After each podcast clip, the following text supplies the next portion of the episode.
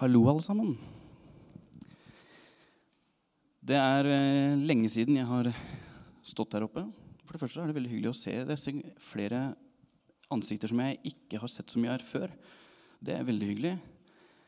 Eh, og eh, det er jeg som skal da forkynne Guds ord i dag. Jeg har blitt spurt av Fernando. Og merker jeg har veldig stor respekt for eh, jobben som har blitt gitt meg.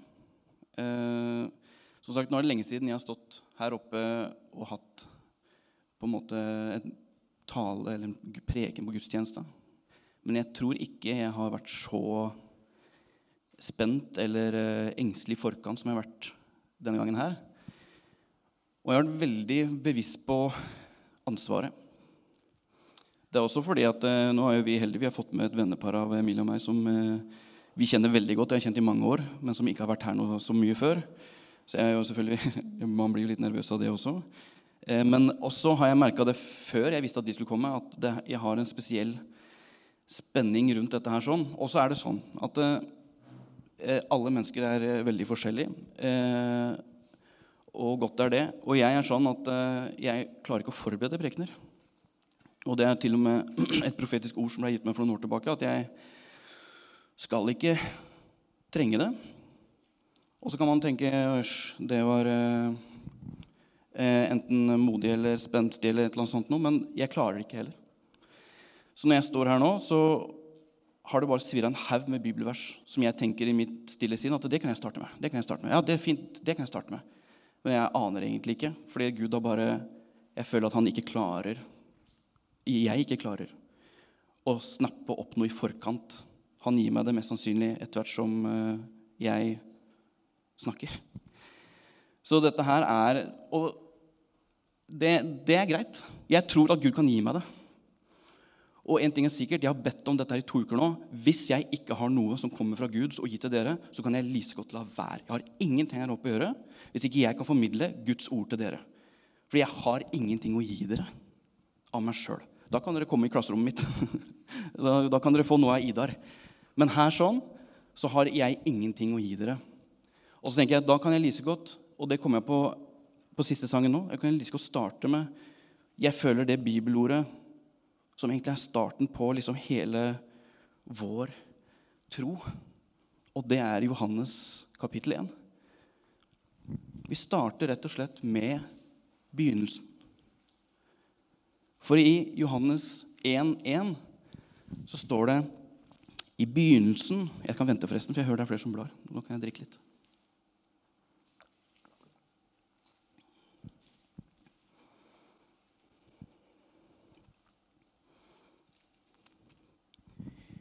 I begynnelsen var Ordet, og Ordet var hos Gud. Og Ordet var Gud. Han var i begynnelsen hos Gud. Alt er blitt til ved Han, og uten Han er ikke noe blitt til av alt som er blitt til. I Han var liv, og livet var menneskenes lys, og lyset skinner i mørket, og mørket tok ikke imot det. Og for dere som er kirkevante, dere vet at ordet her som står med stor bokstav til og med fordi det er en skikkelse. Og i denne sammenheng er sånn også et menneske. Jesus Kristus var Ordet. Han er Ordet. Og det er hele vårt fundament. Dette har vi snakka mye om i de siste møtene våre, og takk og lov for det. Fordi Hvis ikke Betania blir bygd på Jesus Kristus, på Ordet, så står ikke dette bygget her sånn. Altså ikke bygget heller, men menneskene i den som er enda viktigere, selvfølgelig. Og hvis man lurer på hvorfor man bør få øynene opp for Jesus og hvilken posisjon han har, så kan vi gå videre til filipperne 2.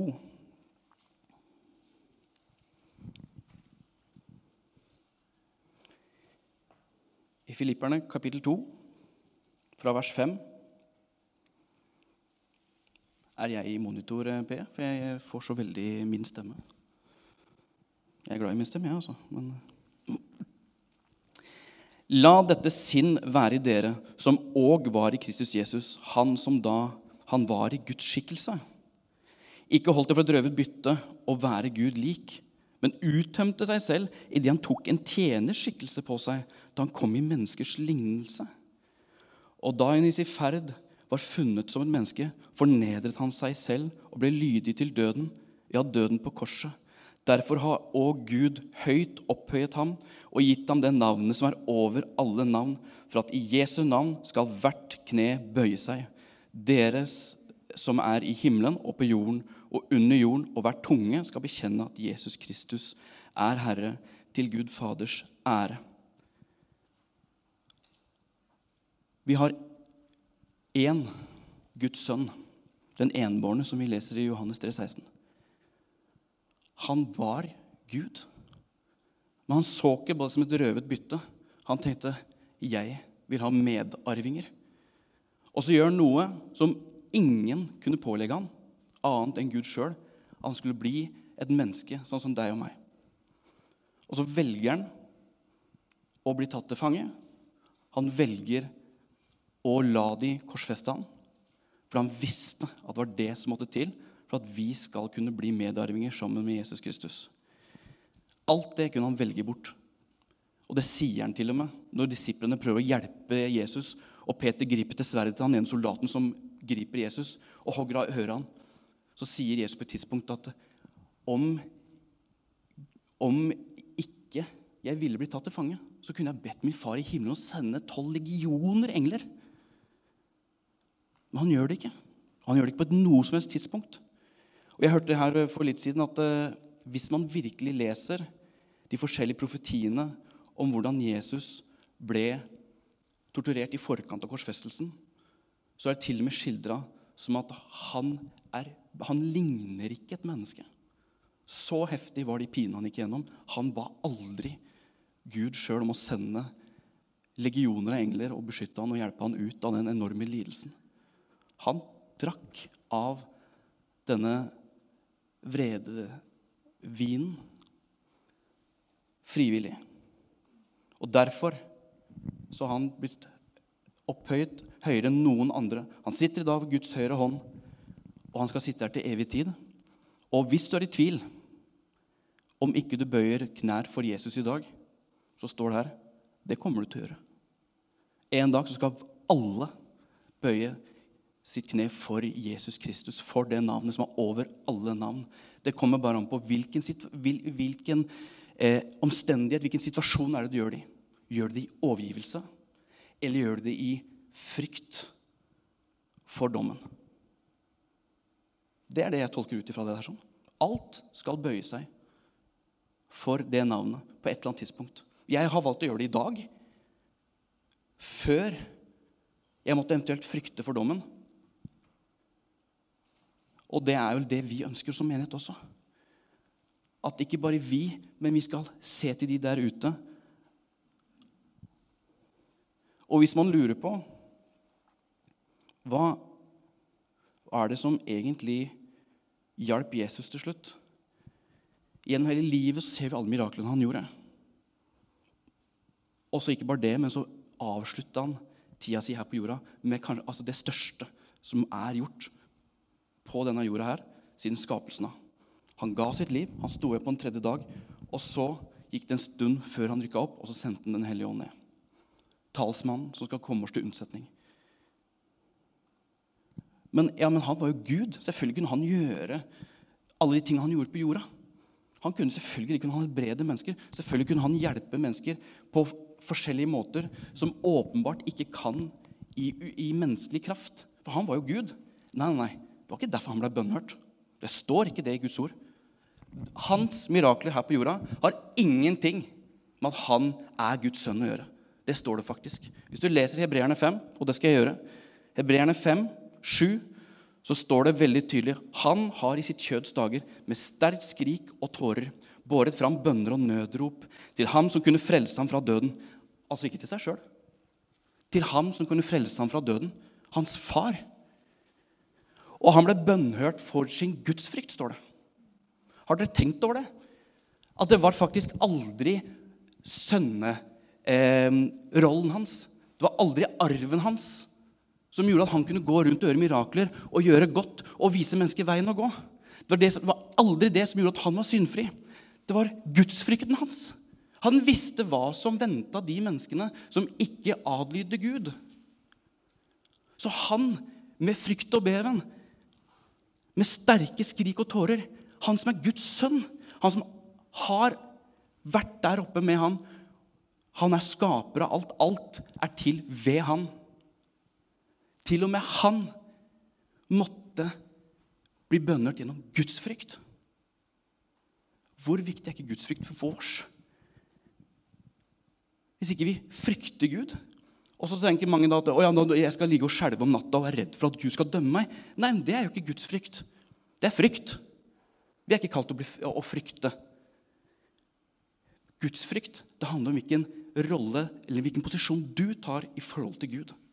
Det er Guds frykt. Det er æresfrykt. Litt av det som dere kanskje merka på meg når jeg innleder, at jeg er ganske Jeg er ikke engstelig, men jeg er litt sånn, jeg har så respekt for det jeg er blitt pålagt. Fordi at jeg står til ansvar for Gud. Jeg står til ansvar for Gud, det jeg sier til dere. Og det har jeg veldig respekt for. Det er det lille snevet jeg kjenner av gudsfrykt akkurat nå. Men gudsfrykt det skulle vært livsstilen min. Men gudsfrykt den tror jeg overvinner menneskefrykten. Det gjør at du inntar posisjonen din nede, knærne, nede på knærne dine i forkant av eventuelle prøvelser. Fordi de fleste prøvelsene vi står i, de kommer eh, uforutsett. Denne her sånn kunne jeg forberede meg på. Jeg kunne be og, og lese og sånn fram til jeg skulle forkynne. Det kunne jeg gjøre. Men de fleste av prøvelsene jeg kommer til å oppleve gjennom livet, og spesielt de største, de kan jeg ikke forberede meg på konkret. Jeg kan kun legge livet mitt i Guds hender der jeg hører hjemme i forkant. Sånn at det er et, lev, det er et levd liv fram til alle disse rollene, situasjonene og omstendighetene jeg kommer til å finne meg i. Og det står til og med i Guds ord at det er jo posisjoner og situasjoner Gud setter meg i. For at jeg skal utspille min rolle i hans frelsesplan, forhåpentligvis, for andre mennesker. Og for meg sjøl. Jesus sa faktisk eh, Jeg skal ikke, ikke lese det bibelverset, men i Lukas, jeg tror det er i Lukas 10 så står det om disse 70 disiplene som er utsendt. Og Så kommer de 70 disiplene tilbake til Jesus etterpå og sier vi har drevet ut onde ånder i ditt navn, Jesus, og de er helt der oppe fordi de har gjort mirakler i Jesu navn. Men så sier Jesus, ikke vær glad for at dere har drevet ut ånder i mitt navn. Vær glad for at dere har navnet deres skrevet i livets bok. Det er der vi hører hjemme, først og fremst. Og så skal alt det andre komme i tillegg. Vi har lest det flere ganger de siste ukene her i menigheten. I Matteus 6,33 så står det at søk først Guds rike og hans rettferdighet, så skal du få alt det andre i tillegg. Men du ble ikke kristen for at du skulle drive ut ånde og hånder. Du ble ikke kristen for at du skulle drive og helbrede andre mennesker.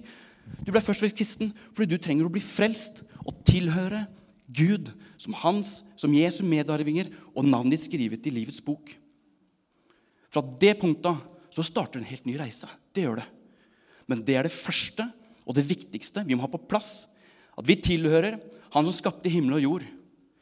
Og hvis du skal holde deg til Han, så trenger du å innta posisjonen som gjør at du uttrykker at Han er den største, og jeg er faktisk ikke noe annet enn støv som han hadde nåde til å blåse sin livsånde inn i.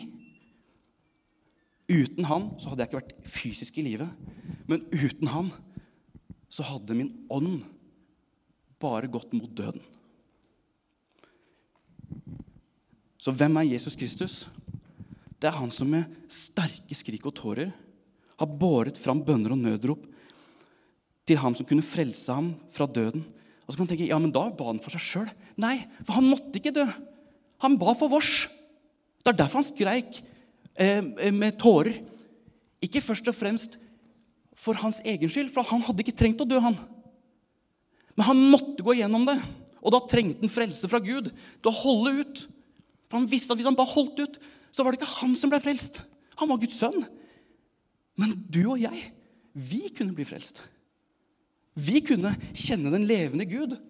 Før det så var det ikke mulig.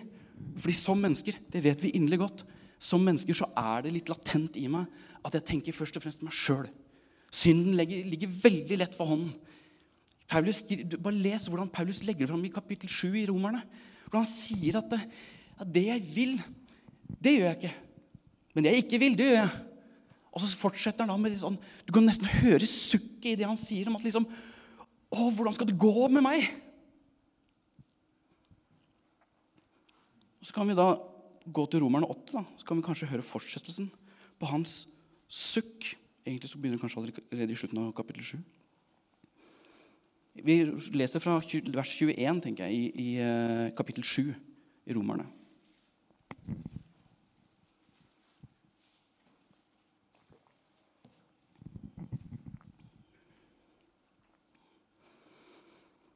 Fra vers 21.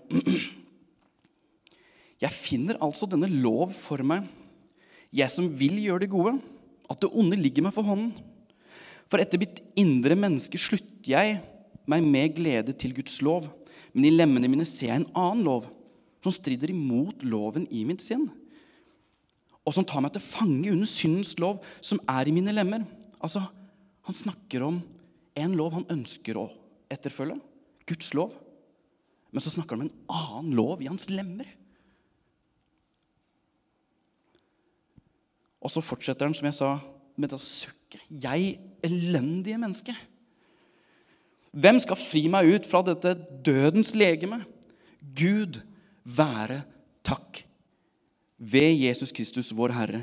Jeg som jeg er, tjener da Guds lov med mitt sinn, min syndens lov med mitt kjød.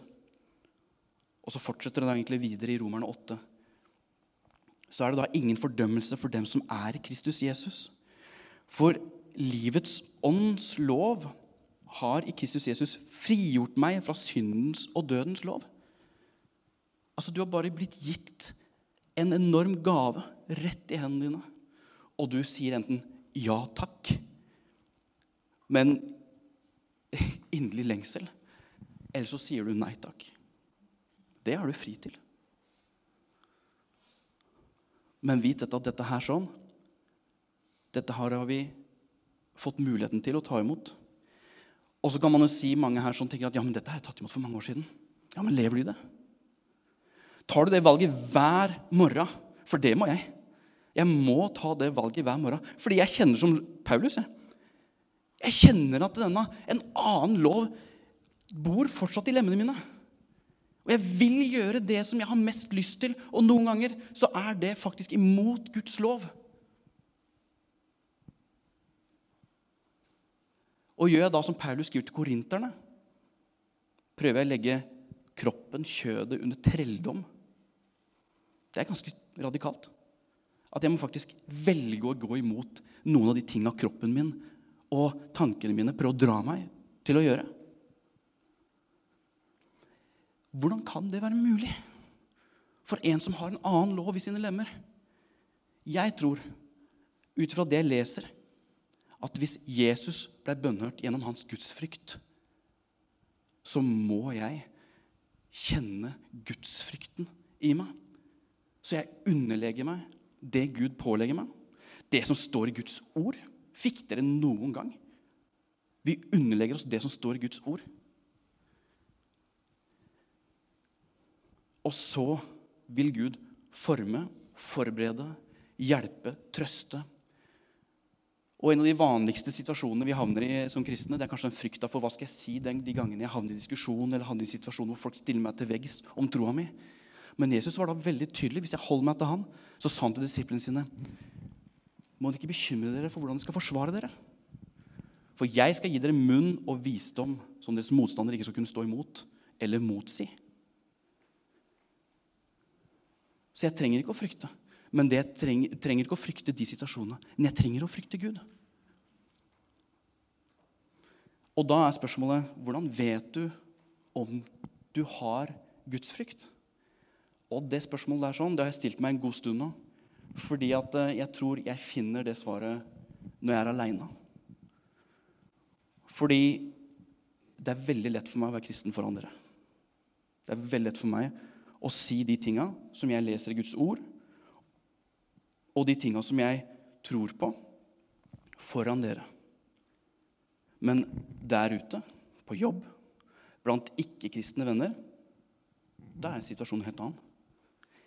Enda verre faktisk når jeg er aleine.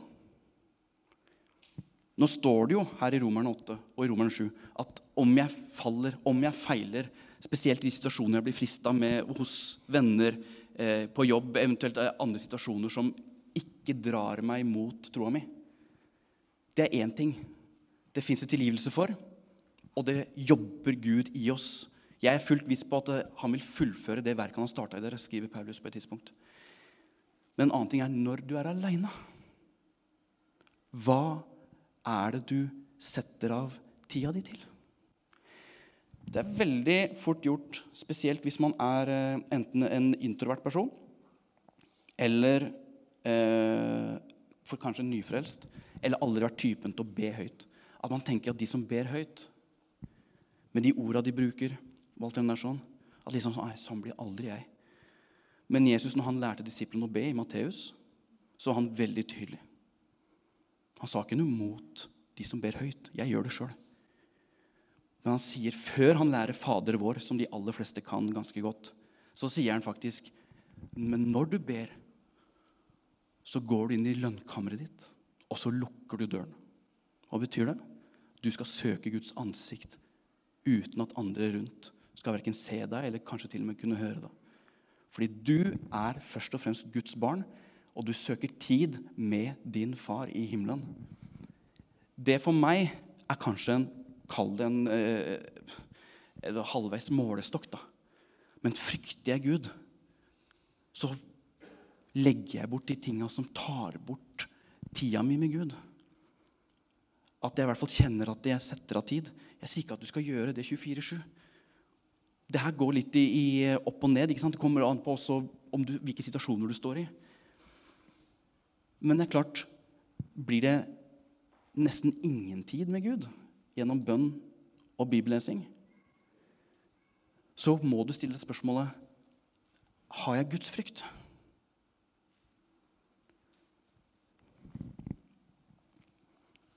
Paulus skriver også til romerne at eh, i Romerne 3 så skriver han om jødene og hvilket løfte de har over seg men ikke gjennom fysisk omskjærelsen.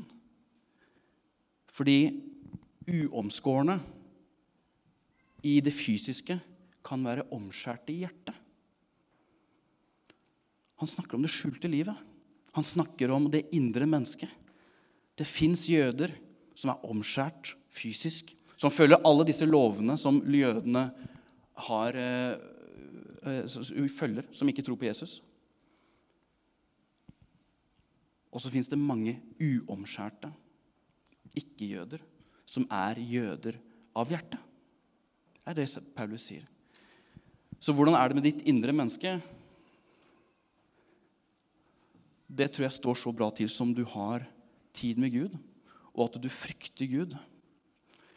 Og hvorfor er det så veldig Altså, Jeg skal lese noen bibelvers for dere som jeg syns sier en del.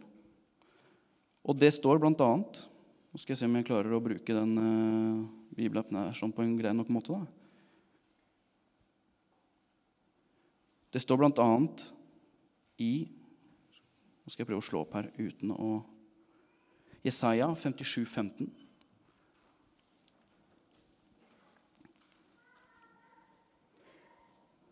For så sier den høye, den opphøyede, han som troner for evig han som bærer navnet Hellig.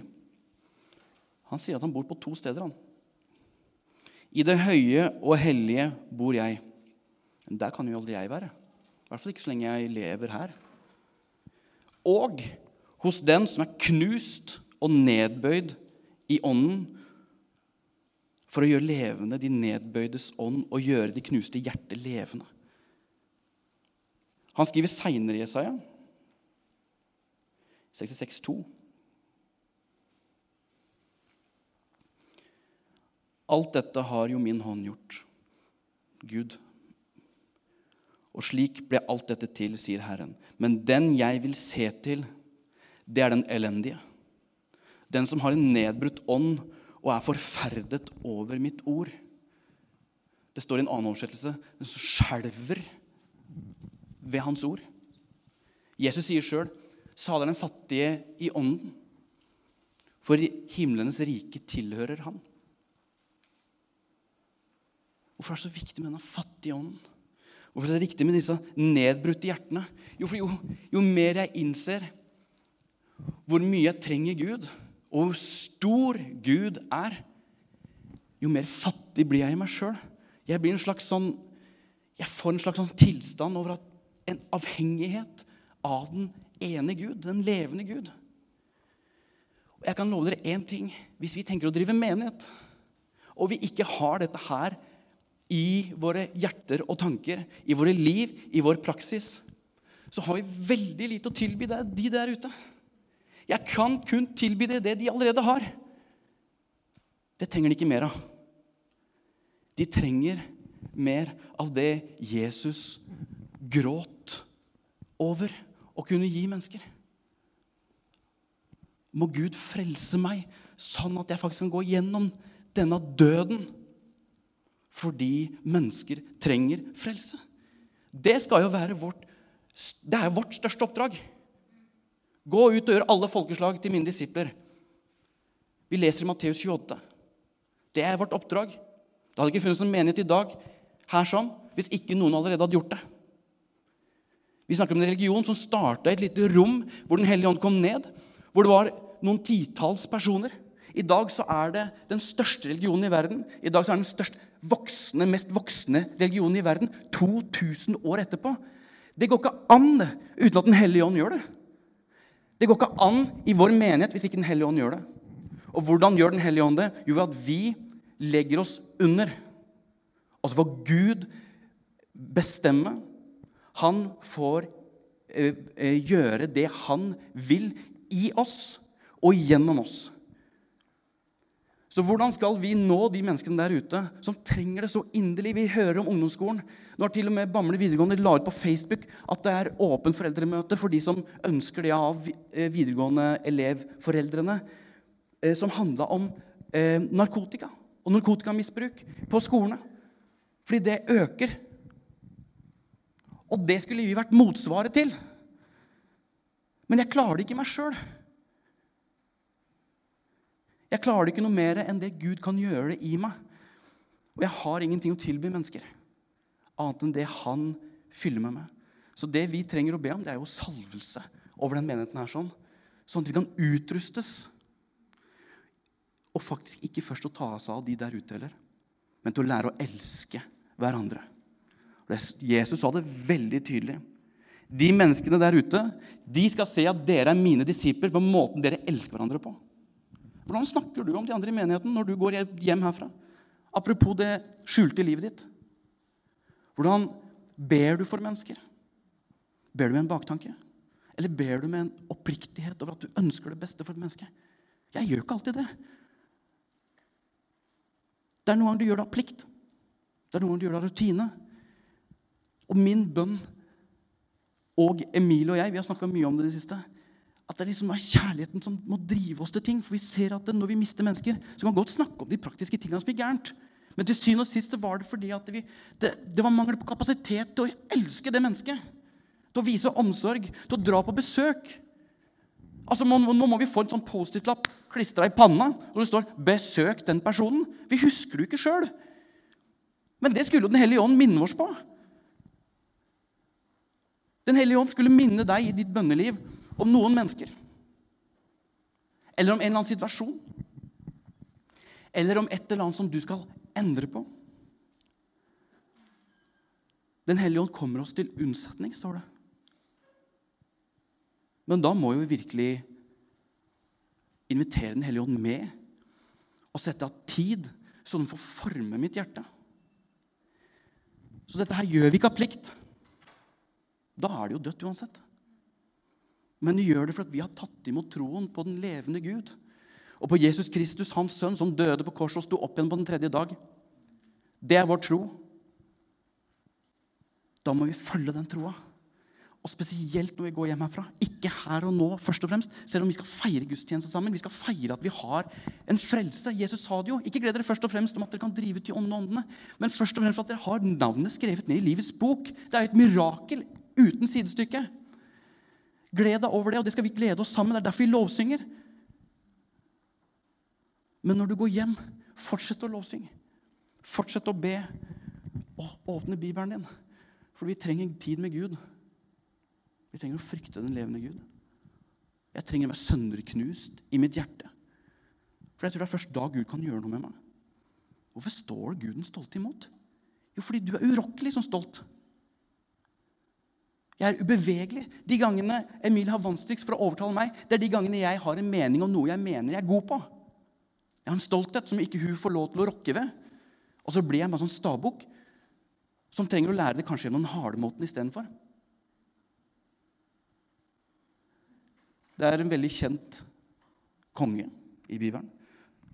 David. Og det var jo en konge før han òg. Første kongen av Israel. Saul. Vi kan godt lese litt i første Samuel.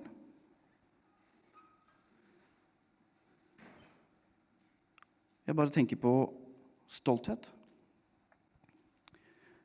Eh, fra eh, kapittel 15.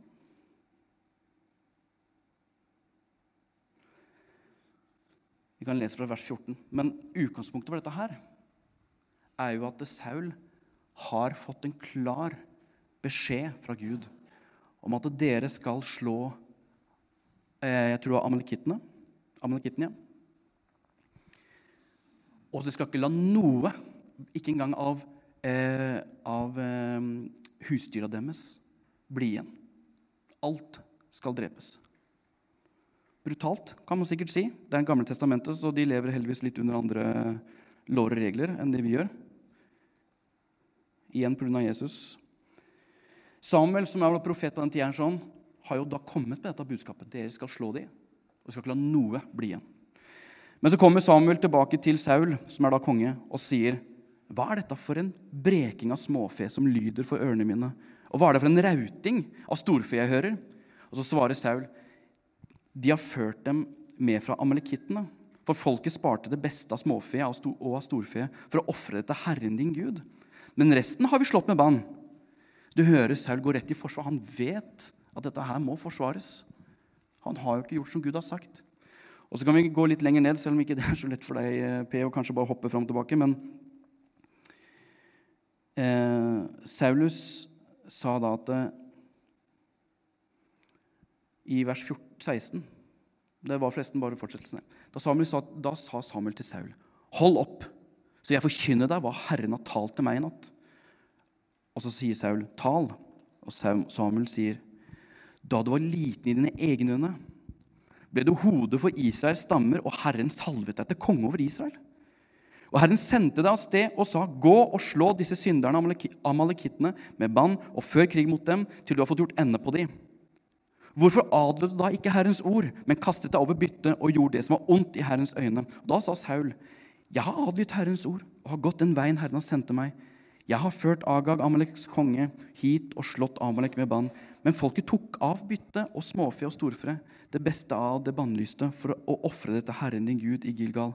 Da sa Samuel, har vel Herren like meget behag i brennoffer og slakteoffer som i lydighet mot Herrens ord? Og så fortsetter historien med at dette her er noen av disse stolthetshandlingene til Saul som rett og slett fratar han kongesalvelsen over Israel.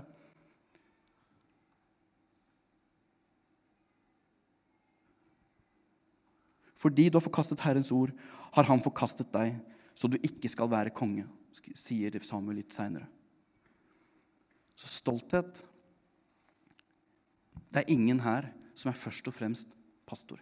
Det er ingen her som er først og fremst lærer. Det er ingen her som er først og fremst eldste. Du er ikke engang først og fremst en pappa. Du er ikke først og fremst en mamma. Du er først og fremst Guds barn. Og du trenger å tilbe han og følge han. Og det utruster deg som pastor. Det utruster deg som pappa Det utruster deg som lærer, bussjåfør Altså uansett hva du er for noe. Og så må vi lære én ting. Vi må slutte å slå i bordet med hva du har gjort tidligere. Ja, men jeg har vært i menigheten i 60 år. Ja, takk og lov for din trofasthet. Men det gir deg ikke en autoritet. Ja, men jeg har jo vært pastor i tre andre kirker tidligere og tjent i, i tre, tre tiår som pastor. Ja. Og det gjorde du sikkert både med trofasthet og med salvelse. Men du er Guds barn. Du må ikke slå i bordet med det. Ydmyk deg. Og så hjelper vi hverandre istedenfor. Hvis vi elsker hverandre, så både gir vi, og vi tar imot, til og med refs. Fordi refsen blir gitt i kjærlighet, og refsen blir tatt imot med kjærlighet. Jeg pleier alltid å bruke det eksempelet når jeg snakker med mine elever da, om dette her med at noen ganger så må du rett og slett si sannheten, for det hjelper et menneske. F.eks. hvis et menneske eh, ikke er eh, så grei mot de vennene rundt seg som han burde, så må han rett og slett noen ganger bare si ifra. Vet du hva? Når du sier sånn. Og hvorfor er det kjærlighet framfor det å bare la det gå? Og Da bruker jeg det eksempelet jeg, jeg, jeg husker jo veldig godt når Idol begynte på TV 2. Det er jo 20 år siden. Så husker jeg Noe av de mest populære auditionene man så, det var jo de som var de verste til å synge. De som regelrett på nasjonal TV tråkka grundig i salaten. Sånn at mennesker ved eh, TV-skjermen kunne sitte og le seg i hjel over at det går an å stille opp til audition på nasjonal TV og være så dårlig til å synge. Ikke sant? Og så tenker jeg, og da sier jeg til elevene mine Hvorfor var det ingen som sa ifra til de før de gikk på nasjonal TV? Og sa at vet du hva, før du går på, så vil jeg bare si ifra at jeg tror ikke du er god nok til å synge før du går på TV-en. For du kommer rett og slett til å, eh, si det på et godt norsk eh, bæsje på leggen. Du kommer til å, gjøre, du kommer til å bli gjort narr av. Det er kjærlighet. Fordi du sier det for det menneskets beste. Du skal spare det mennesket for noe. Men så tenker man heller at nei, kjærlighet er jo ikke si noe. Du må jo la mennesket få lov til å gjøre sitt. Man har lov til alt. Men så viser det seg at det er ikke kjærlighet, det er feighet. Du har ikke hjulpet det mennesket til å komme bedre ut av en situasjon enn det de gjorde når du hadde mulighet. Der har vi gitt et stort ansvar. Jeg har brukt dette eksempelet før. Det er ikke lenger mer enn et par-tre uker siden jeg sa det. tror jeg. At på Titanic så var det Jeg husker ikke hvor mange livbåter. Men de var stort sett maks halvfulle, de livbåtene. Fordi i panikk så måtte man bare få hivd mennesker på. Gjerne først og fremst kvinner og barn. Og så var de så redde for at når dette skipet skulle, eh, gikk ned, at de skulle i dragsuget dra med seg livbåtene. Og ikke minst også de menneskene som lå i havet. At de kom til å i panikk eh, på en eller annen måte dra livbåtene til seg. Og kanskje velte, eller hva nå enn. Så i panikk så rodde de vekk. Raskest mulig. Halvfulle. Én båt kom tilbake seinere og plukka opp de siste, liksom, som Da hadde jo flere allerede drukna men liksom fikk tratt opp i noen. Ellers var det alle andre livbåter. De hadde forsvunnet så fort de kunne. Må ikke det bli oss? Må ikke vi være de som 'Jeg har fått frelsen min.' Og så gjør vi som Jesus sa vi ikke skulle gjøre. Vi setter det under en stokk. Vi setter ikke lyset på bordet, men jeg har det for meg sjøl. For da har jeg trygg. Da slipper jeg å bli utfordra. Og så kan jeg være kristen på min måte. Vi er blitt gitt et ansvar, og jeg bare sier det. Jesus sier det i både Lukas og i Markus. Og jeg tror han sier det i Matteus også. Altså det vil si, Han sa det kanskje bare én gang, men alle tre skrev om det. At den som ikke bekjenner mitt navn på jorden, vil ikke jeg bekjenne framfor englene i himmelen. Det syns jeg vi skal faktisk kunne si til hverandre. at Så alvorlig er det. Det betyr ikke at du skal i egen kraft nå begynne å, i panikk begynne å rope Jesus til folk. Men du søker Gud og ber om kraft og visdom til å forkynne Jesu navn på din måte. Vi er forskjellige. jeg sa det i sted. Vi er forskjellige mennesker, vi har forskjellige salvelser og nådegaver. Du må tjene Gud på den måten han hadde tenkt, ikke sånn som du tror. Du skal gjøre det. Så betyr det kanskje noen ganger at du går litt feil. Opptil flere ganger til og med. Men han leder deg i disse ferdiglagte gjerningene som det står om i Filipperne, tror jeg det gjør. Så jeg har bare for min egen del, og Emil Emilie og jeg også for vår del, og også for menighetens del, så har vi bare sånn inderlig lengsel etter å se at ikke det bare blir gjort under og mirakler, men at det er en menighet når vi samles her, når vi samles i, i husa, når vi møtes, når vi, når vi møter andre mennesker. Også, at det er bare det folk opplever, er bare en gudskjærlighet som vi aldri kunne ha vist i vår egen kraft. At det er en menighet som lever. Det er puls. Det er ting som skjer. Og nei, det er ikke nødvendigvis folk som faller når det blir bedt for. Vi snakker om mennesker som lengter etter å se deres frelser og Gud. Vi frykter Gud. Den eneste Gud, den levende Gud. Vi må starte der, tror jeg. Jesus som fundament i vår menighet, i vårt liv og på eventuell arbeidsplass, skole eller hvor du er. Jeg kan ikke gjøre noen ting uten at han gjør det i meg. Og så skal vi takke Gud for at vi, navnet vårt står i livets bok. Ufortjent, uten kostnad. Det er en gave som står i Galaterne. Eller Feseren er det.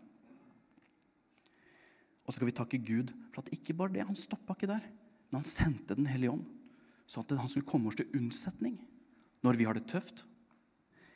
Når vi møter tøffe situasjoner, når vi møter mennesker som trenger en berøring fra Gud, så kan jeg være en kanal. Tenk det! Støv. Så kan jeg være en kanal likevel. Fordi Gud har nåde med oss. Og Gud er en barmhjertig Gud. Og det trenger vi å lovsynge Gud for. Nei, vi skylder han all vår takk. Jeg tror jeg bare sier amen til det. Og så kan vi kanskje lovsynge litt. Eller skulle du si noe, Karina? Jeg vil be mens lovsangerne kommer opp. For jeg må takke deg, Jesus, for at dette her er vår tro. Dette her er vårt håp. Og det håpet, det kan bestå alt. Du sa i ditt ord, Jesus, at det ikke frykt han som kan ta livet av kroppen din, men frykt han som kan både ta livet av deg og sende deg til helvete. Det betyr, Jesus, at du er vårt håp. Og vi må klamre oss fast til deg med alt vi har. For jeg har ingen håp uten deg. Du er vår frelser og Gud, og må du få lov til å regjere på dette stedet. I alle våre hjerter. I full overgivelse så følger vi deg, du som gjorde godt, og du som er god. Jeg ber at du, Hellige Ånd, salver oss, utruster oss til å elske mennesker. Elske vår Gud av hele vårt hjerte og all vår kraft og all vår forstand. Elske vår neste som oss selv, og elske hverandre Sånn som du sa det, Jesus, at på den måten skal verden si at vi er dine disipler. Da må du gi oss av den kjærligheten, for vi har den ikke i oss sjøl. Ber om nåde, Jesus, for meg og mine, og for alle de som er her i dag. Takk, Jesus. Amen.